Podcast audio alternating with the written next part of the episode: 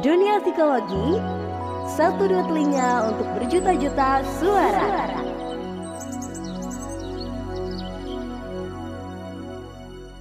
Hai sobat listeners, balik lagi dengan podcast kesayangan kita, Dupi for Your Life. Hari ini ada aku, Ayun.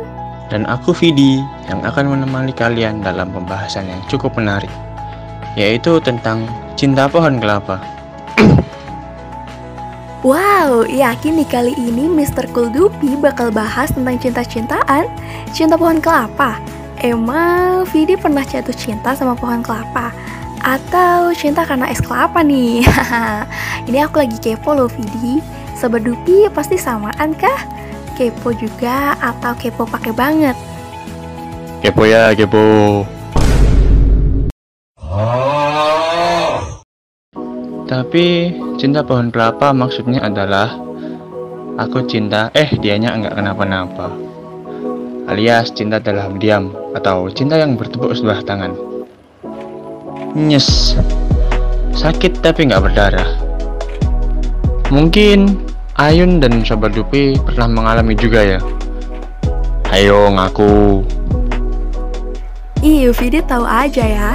Ini sih kisahku banget Cinta pohon kelapa Dianya cinta, eh akunya nggak apa-apa Sengaja aku balik ya guys Terus menurut kamu gimana Vidi? Jika ada seseorang yang mencintai tapi nggak dicintai balik Emang boleh gitu? Saya bukanlah ahlinya dalam percintaan Tapi jika berbicara tentang cinta Mungkin Cinta adalah hal yang paling diidam-idamkan oleh semua orang.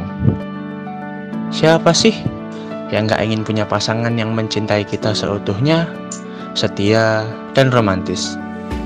Namun, ya begitulah. Gak semua orang beruntung mendapatkan cinta yang seperti itu loh. Ada juga yang harus menghadapi kenyataan pahit bahwa orang yang mereka cintai tidak mencintai mereka kembali.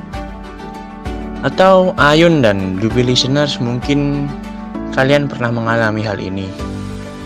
Kamu berusaha menarik perhatian, memberi perhatian, atau bahkan sudah mengungkapkan perasaanmu, tapi ternyata dia tidak merasakan hal yang sama. Atau mungkin kamu sudah menjalin hubungan dengan seseorang, tapi kamu merasa bahwa dia tidak mencintaimu sebanyak kamu mencintainya. Atau mungkin kamu sudah menikah dengan seseorang, tapi kamu justru mengetahui bahwa dia sedang berselingkuh dengan orang lain. Apa yang kamu rasakan saat itu?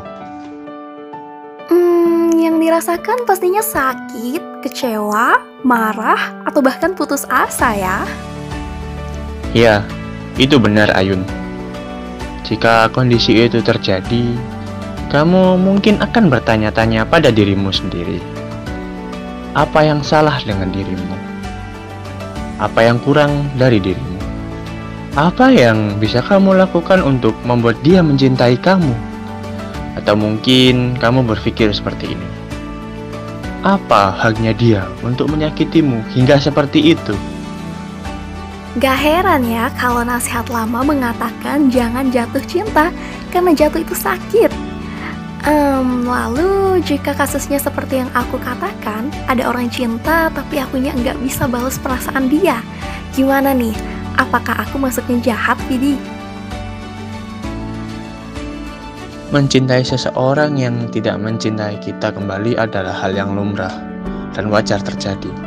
Tidak ada yang salah dengan dirimu atau orang yang kamu cintai. Setiap orang memiliki hak untuk memilih pasangannya sendiri dan tidak semua orang bisa cocok satu sama lain. Karena cinta yang tulus adalah sebuah rasa yang tidak bisa kita paksakan. Nah, iya setuju. Perasaan memang gak bisa dipaksakan ya. Tapi, apakah ada faktor nih yang bisa mempengaruhi dalam hal ini?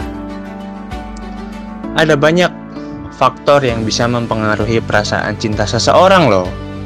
Misalnya seperti kepribadian. Setiap orang memiliki kepribadian yang berbeda-beda, dan tidak semua orang bisa saling menyukai atau menghargai kepribadian orang lain.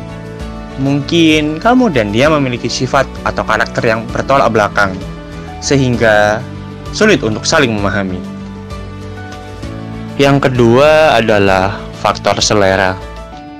Setiap orang memiliki selera yang berbeda-beda dalam hal memilih pasangan.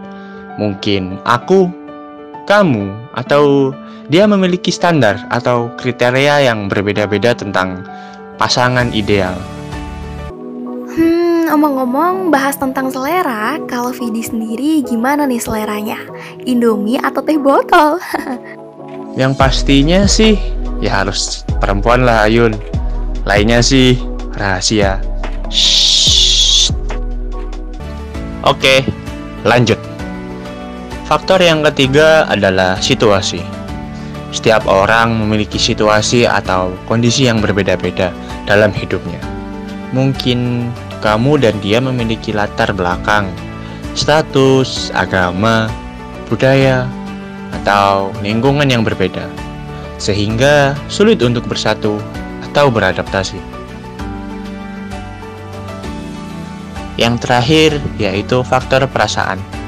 Setiap orang memiliki perasaan atau emosi yang berbeda-beda dalam hatinya. Mungkin kamu dan dia memiliki pandangan atau pengalaman yang berbeda tentang cinta. Mungkin dia sudah pernah disakiti oleh cinta sebelumnya, sehingga takut untuk mencintai lagi.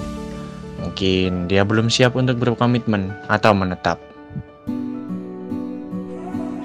Dari yang aku sebutkan tadi, semua faktor inilah yang bisa membuat seseorang tidak tertarik pada kita secara romantis meskipun kita sudah mencintainya dengan tulus dan sepenuh hati. Hal ini tentu saja menyakitkan bagi kita, tapi kita harus menghormati pilihan dan perasaannya. Oke, aku mulai paham nih. Jadi intinya, ketika kamu mencintai tapi tak dicintai balik, itu bukanlah hal yang harus disesali atau ditakuti. Sebaliknya, itu adalah peluang untuk mengenal diri sendiri lebih baik dan menemukan makna hidup yang lebih dalam dari kejadian ini karena sadar cinta adalah anugerah yang harus kita syukuri dan nikmati, baik itu berbalas ataupun tidak. Ya kan, Vidi? That's true, Ayun. Dan yang penting adalah bagaimana kita mengelola perasaan kita dan menjaga kesehatan mental kita. Jangan biarkan cinta menguasai hidup kita, tapi jadikanlah cinta sebagai salah satu aspek yang melengkapi hidup kita. Cukup sekian pembahasan kali ini dan semoga bermanfaat ya.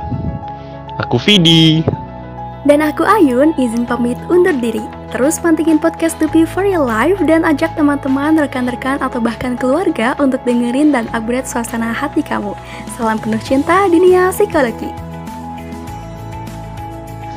Dunia Dunia psikologi, psikologi satu dua satu telinga dua untuk telinga untuk berjuta-juta suara.